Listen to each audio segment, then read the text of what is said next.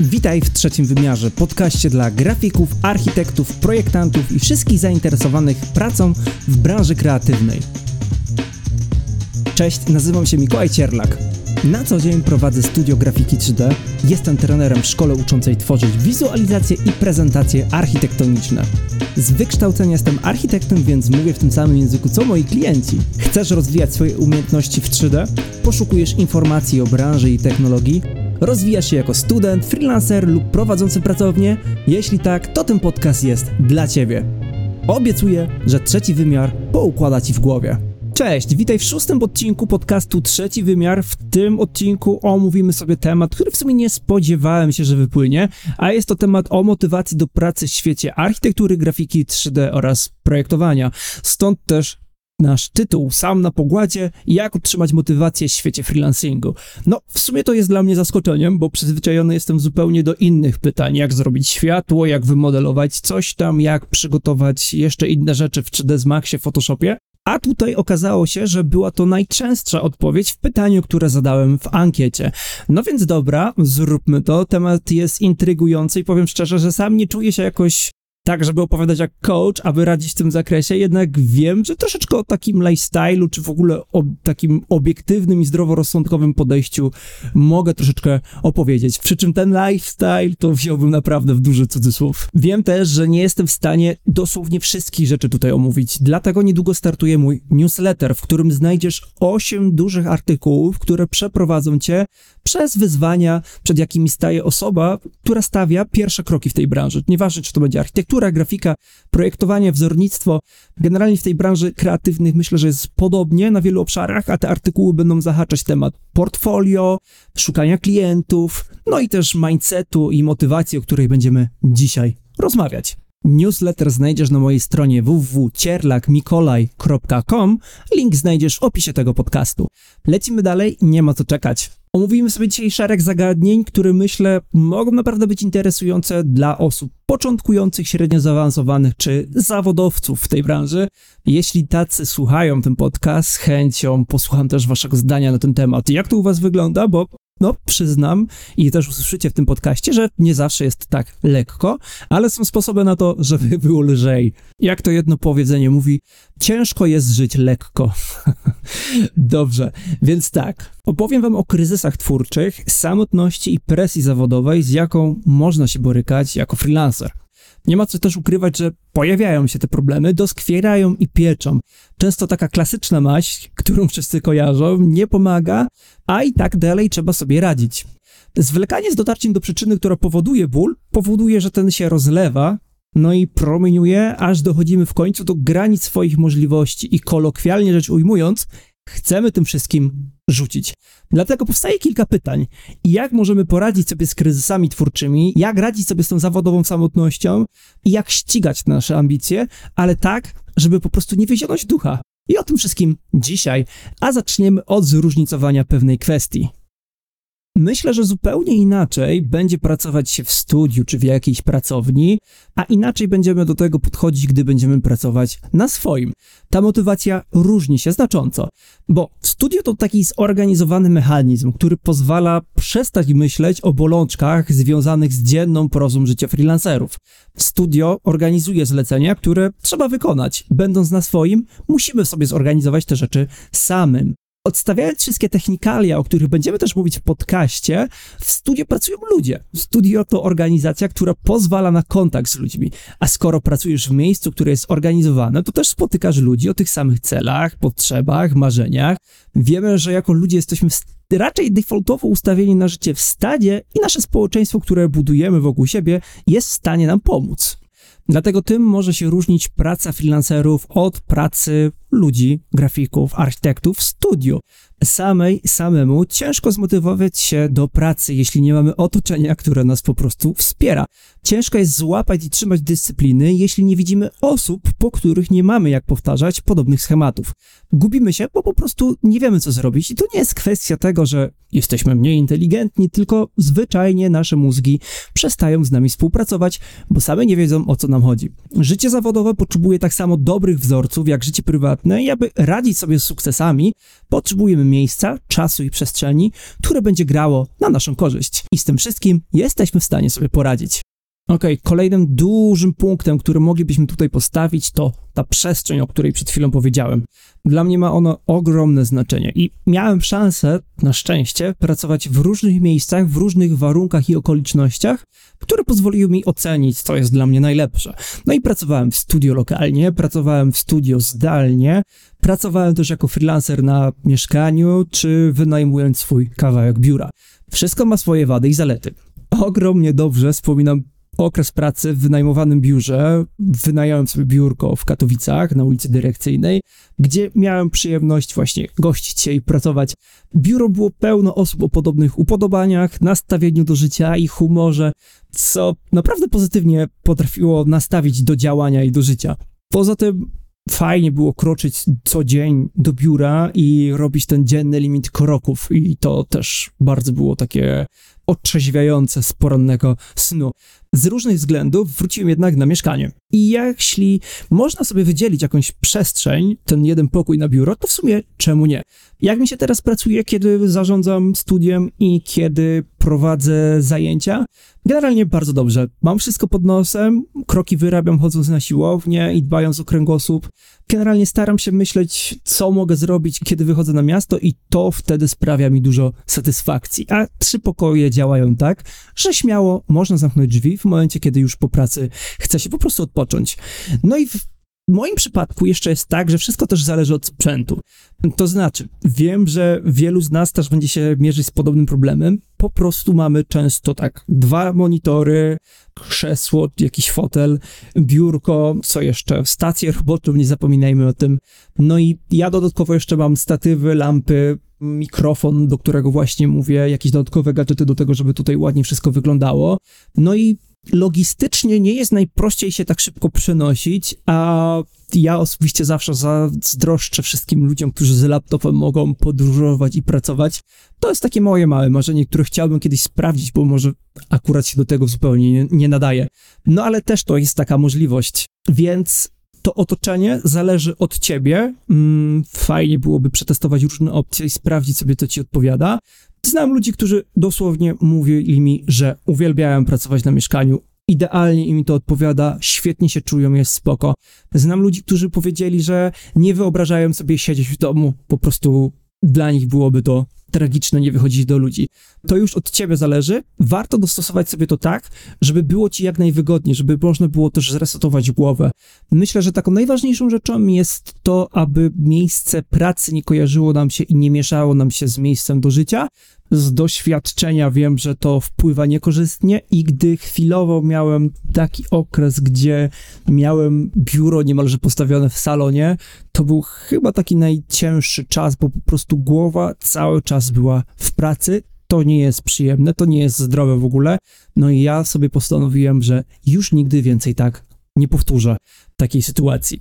Więc mam nadzieję, że ty też takich rzeczy unikniesz. Lecimy do kolejnych punktów. Ok, a teraz odpowiedz mi na jedno pytanie. Czy jesteś przed, w trakcie czy po kryzysie twórczym?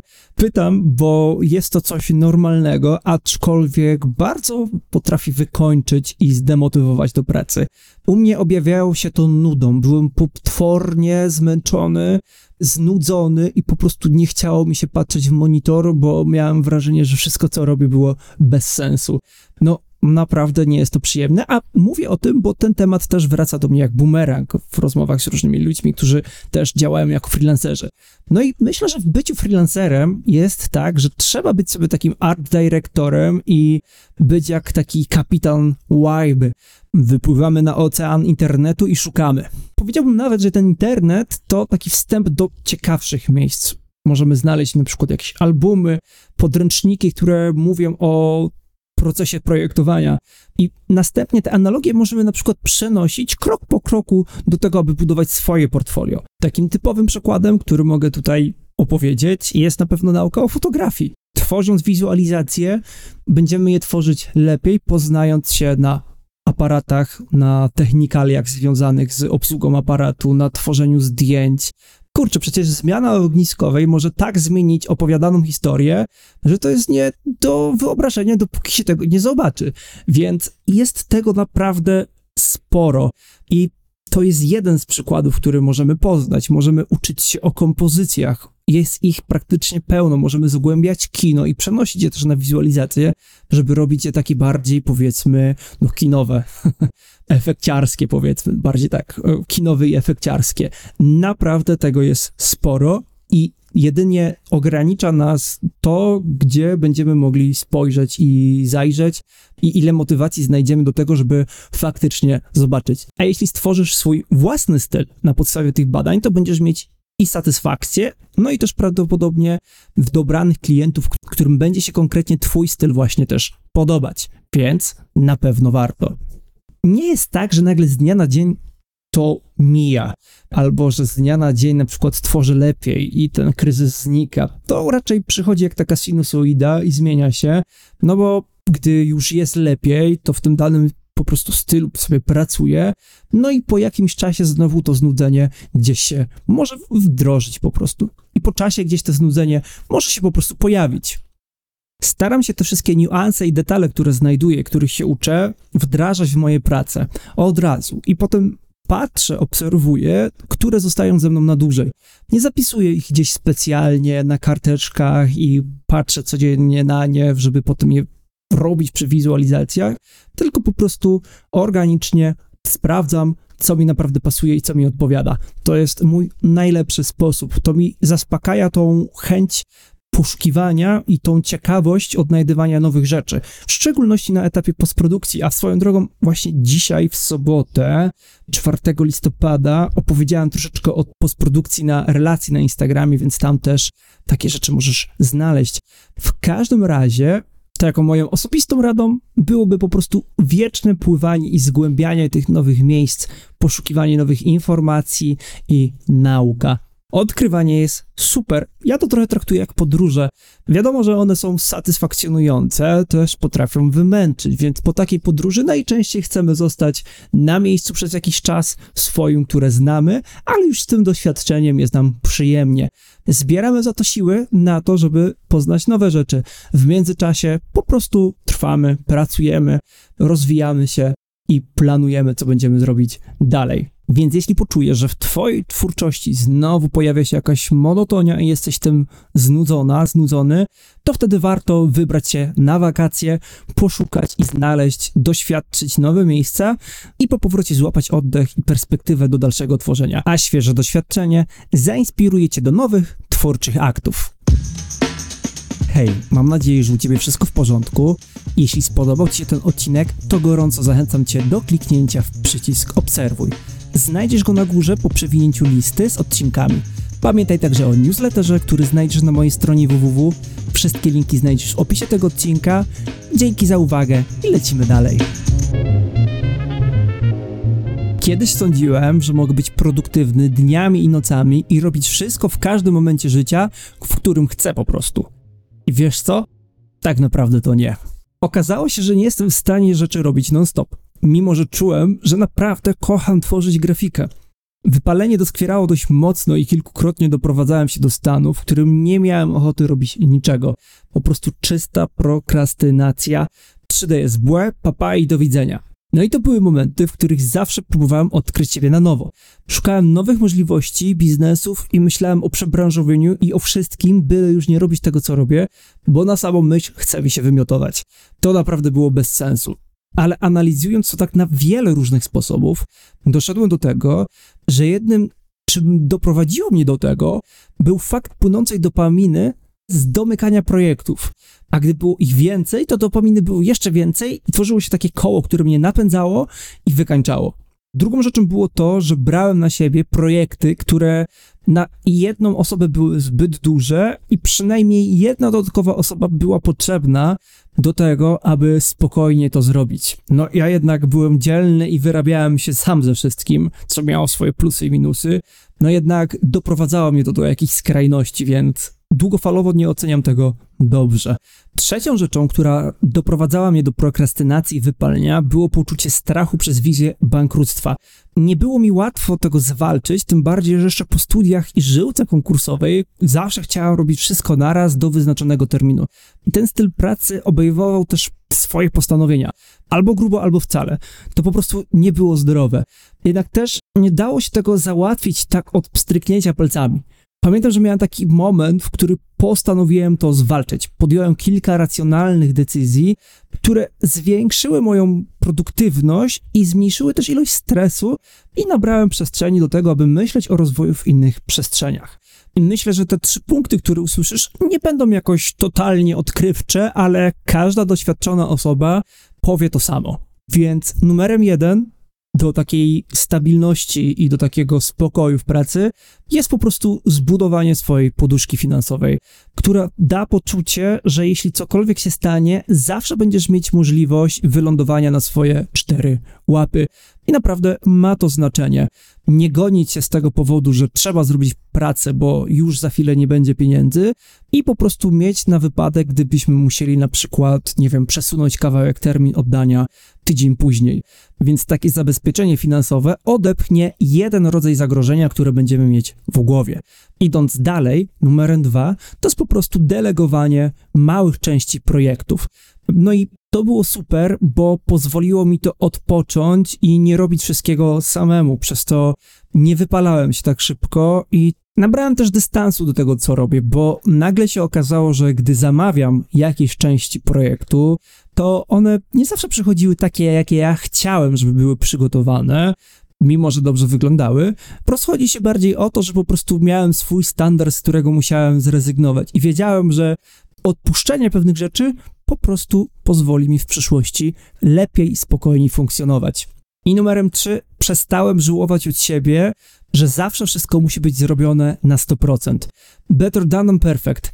Często wystarczy 96%. I tutaj trochę pół żartem, a tak trochę serio, bo ja lubię robić rzeczy na zasadę Pareto 80-20 i te 20%, które zostaje, zawsze lubię jeszcze dogrzać na te 80-20, czyli zostaje 96 i wtedy jestem naprawdę zadowolony, a tak jak opowiadałem w poprzednich podcastach, no wiem, że jakbym miał coś zrobić perfekcyjnie, to ja tego po prostu nigdy nie zrobię. Prawda jest taka, że za miesiąc nauczę się nowych rzeczy i mógłbym to w nieskończoność poprawiać co miesiąc, jedną pracę. Więc pytanie, czy chcemy grzać czas w jedną rzecz, czy chcemy zdobywać doświadczenie w nowych projektach, żeby stale poszerzać swoje doświadczenie. No to już zależy od ciebie, ale te trzy rzeczy, czyli poduszka finansowa, delegowanie i po prostu odpuszczenie pewnych ambicji i odpuszczenie perfekcjonizmu na obrazkach pozwoliło mi by po prostu być bardziej produktywnym. Dzięki temu wszystkiemu czułem się bezpieczniej. A skoro czułem się bezpieczniej, lepiej, to mogłem pozwalać sobie na to, aby wyjść poza ten obszar, który znałem i poznać jakieś nowe rzeczy. Odświeżałem swoje myśli, pozwalałem sobie odpocząć, poznawałem nowe rzeczy, które przynosiły inspirację do mojego głównego zajęcia, czyli tworzenia wizualizacji. I właśnie w taki sposób zrobiło mi się na tyle miło i przyjemnie, że mogłem też otworzyć się na feedback i krytykę co jest kolejnym ważnym punktem na naszej liście. Przyjmowanie krytyki trochę średnio brzmi jak dobry pomysł na motywację, jednak udowodnić ci, że tak jest. Często spotykam się z negatywnym odbieraniem feedbacku ze strony freelancerów. No oczywiście, jeśli dostajemy komentarze od klienta rozłożone w czasie, a projekt miał być na wczoraj, wszystko jest zamazane czerwonym kolorem, że już nie wiemy, czy to tak naprawdę nasze wiski, które przesłaliśmy wcześniej, to możemy mieć powód do niezadowolenia. Jednak jeśli po prostu wpada feedback, wszystko idzie zgodnie z planem według procesu tworzenia wizualizacji, który masz szansę posłuchać w czwartym odcinku tego podcastu, to myślę, że naprawdę jest się z czego cieszyć. Pamiętajmy, że ten negatywny feedback, w cudzysłowie weźmy ten negatywny, przede wszystkim dotyczy utworu, który stworzyliśmy, ale nie nas samych. To pierwsza rzecz, jaką należy odróżnić. Jako artyści, twórcy, projektanci, architekci mamy często tendencję do tego, aby zbyt osobiście i prywatnie odbierać to, co tworzymy. Projekty, które tworzymy, traktujemy potem jak dzieci, bronimy ich. No i myślę, że no, nie jest to do końca dobre. No i ciężko jest się tego też oduczyć, ale myślę, że wszyscy w takich y, branżach mniej lub bardziej borykamy się z tym. Nie jest to złe, jednak odpowiednia doza dystansu na pewno przyda się wszystkim. Załóżmy taki case. Zrobiliśmy na przykład taką trawę, trawniczek wpadający w zbyt dużo niebieskich odcieni, a klient zaznaczył to w jednej iteracji, że teraz to musimy poprawić i powinno być bardziej w ciepłym odcieniu. Jest to bardzo prosty przykład, ale zobacz, do czego to doprowadzi. Jeśli musimy to zmienić, to po prostu możemy się nauczyć, jak to zrobić poprawnie, przerobić w modelu i tyle. Jeśli w kilku naszych projektach powtarza się taki feedback, to być może defaultowo musimy całą zieleń ustawić w bardziej ciepłych kolorach. Prawdopodobnie też to my możemy być jakoś zmanierowani, bo przecież wszyscy prędzej czy później i tak budujemy własny styl i ten styl może się po prostu mniej lub bardziej sprawdzać w różnych warunkach, czy to marketingowych, czy konkursowych. I w tym wypadku być może trzeba będzie to dograć troszeczkę inaczej. A idąc jeszcze krok dalej, nasi klienci potem okazuje się, że lubią poszczególne elementy naszych wizualizacji. I na przykład w wypadku zieleni może być tak, że stworzyliśmy dedykowane paczki pod konkretne typy zleceń, które przyspieszą naszą pracę w kolejnych projektach. Przygotujmy sobie kilka takich naprawdę mocnych rzeczy, które zaoszczędzą nam pracy. I widzisz, jak zadziałał feedback? Od małych detali, tak naprawdę, możemy wychodzić do naprawdę dużych rzeczy, które pozwolą optymalizować nasz czas. I myślę, że każdy z nas powinien być takim fanatykiem optymalizacji. Cały komputer zawalony bibliotekami. No nie, dobra, aż tak to nie, aczkolwiek poukładanymi bibliotekami na pewno. Każdy projekt to może być szansa na to, aby kolejny był krótszy, przez to, że będziemy się uczyć i wdrażać feedback, który dostajesz. Więc moim taką radą tutaj byłoby nie branie krytyki aż tak bardzo do siebie, bo zdarza się to i to jest zupełnie normalne. No, ile czasu poświęcamy często na to, żeby zrozumieć, jak tą trawę w końcu dobrze wyrenderować, no. Więc y, nie dziwię się, że tak niektórzy z nas mogą reagować na jakikolwiek stworzony projekt. Jednak też mały disclaimer będzie tak, że będą rzeczy, w których będziesz miał rację, a klient będzie chciał je zmienić. Wtedy to ty stań po swojej stronie, wyznacz dobre argumenty i niech druga strona poćwiczy przyjmowanie feedbacku, a ty będziesz mógł, mogła poćwiczyć przekonywanie do swoich pomysłów. Przedostatnim tematem, który na nas czeka, to temat samotności zawodowej. Mówiliśmy o tym na samym początku. Jest to jeden składnik, który powoduje, że no, demotywujemy się. I są też sposoby na to, żeby sobie z tym radzić. Wiele osób, które wchodzi we freelancerstwo, wspomina o tym, że właśnie wraz ze zmianą sposobu bycia, bo tak często też bywa, zaczęli odczuwać samotność i widzą w tym problem. Nie wiedzą, co zrobić, ani jak zabrać się za siebie i za swoją karierę.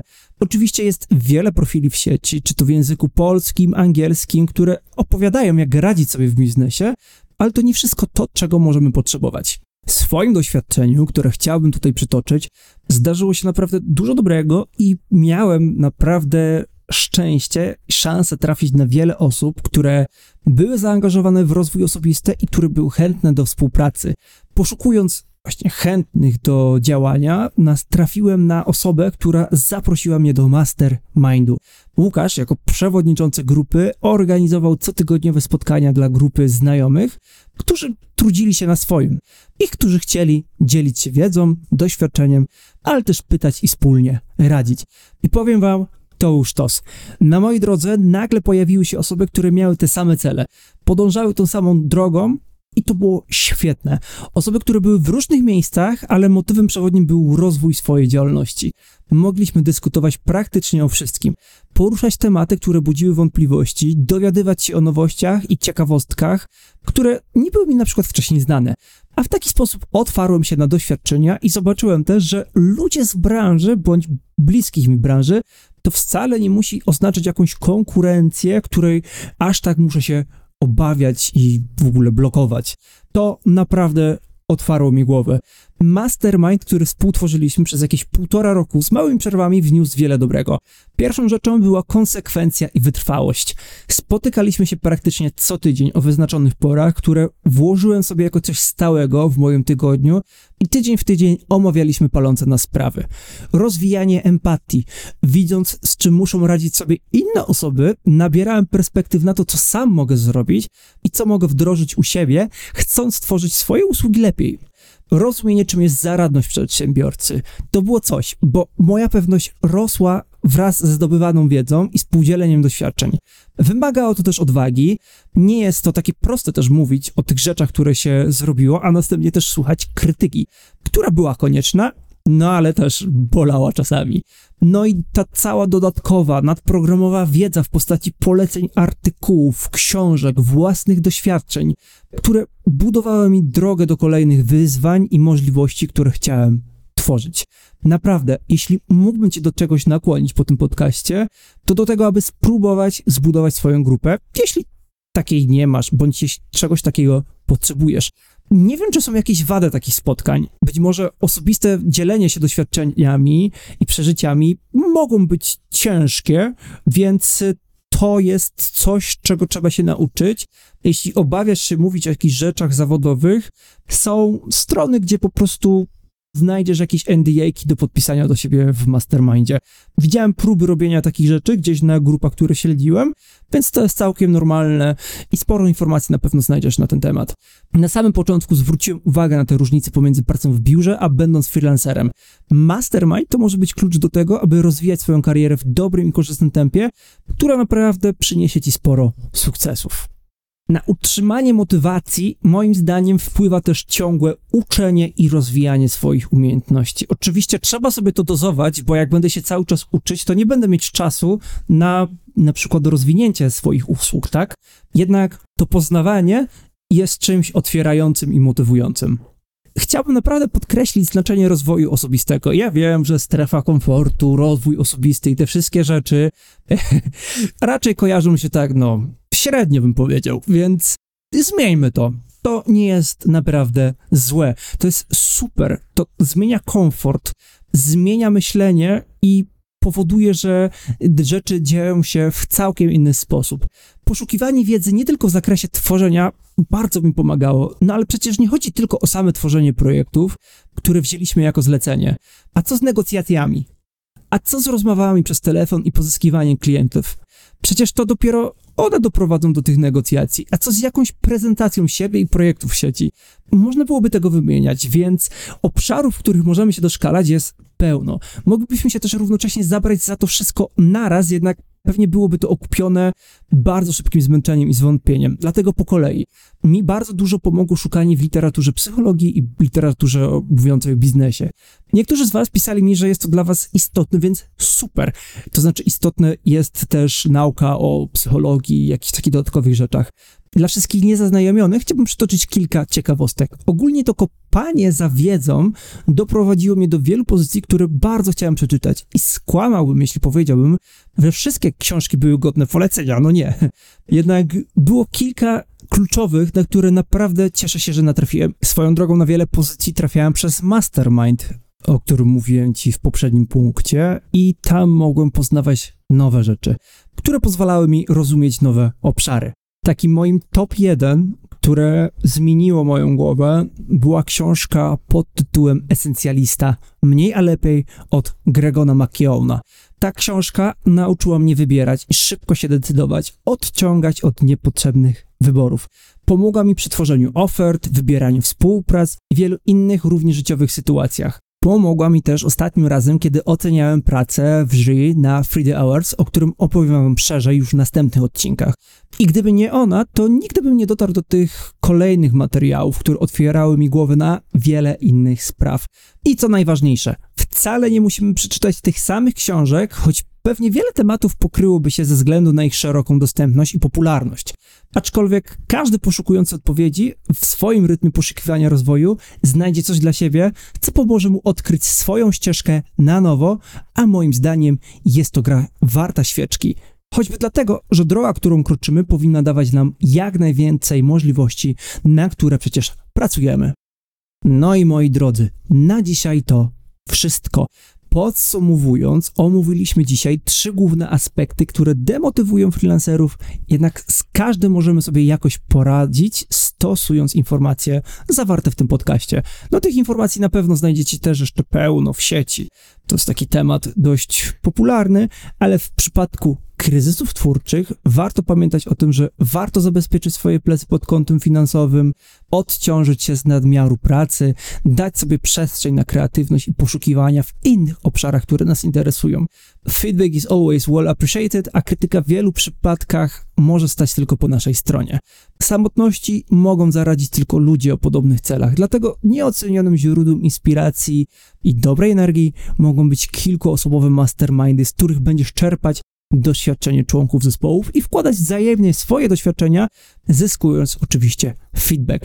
I ostatni czynnik, presja zawodowa, bywa tak, albo często się to zdarza, że chcemy już coś na już. Warto poznawać siebie nie tylko od strony rzemieślniczej, ale też od strony psychologicznej.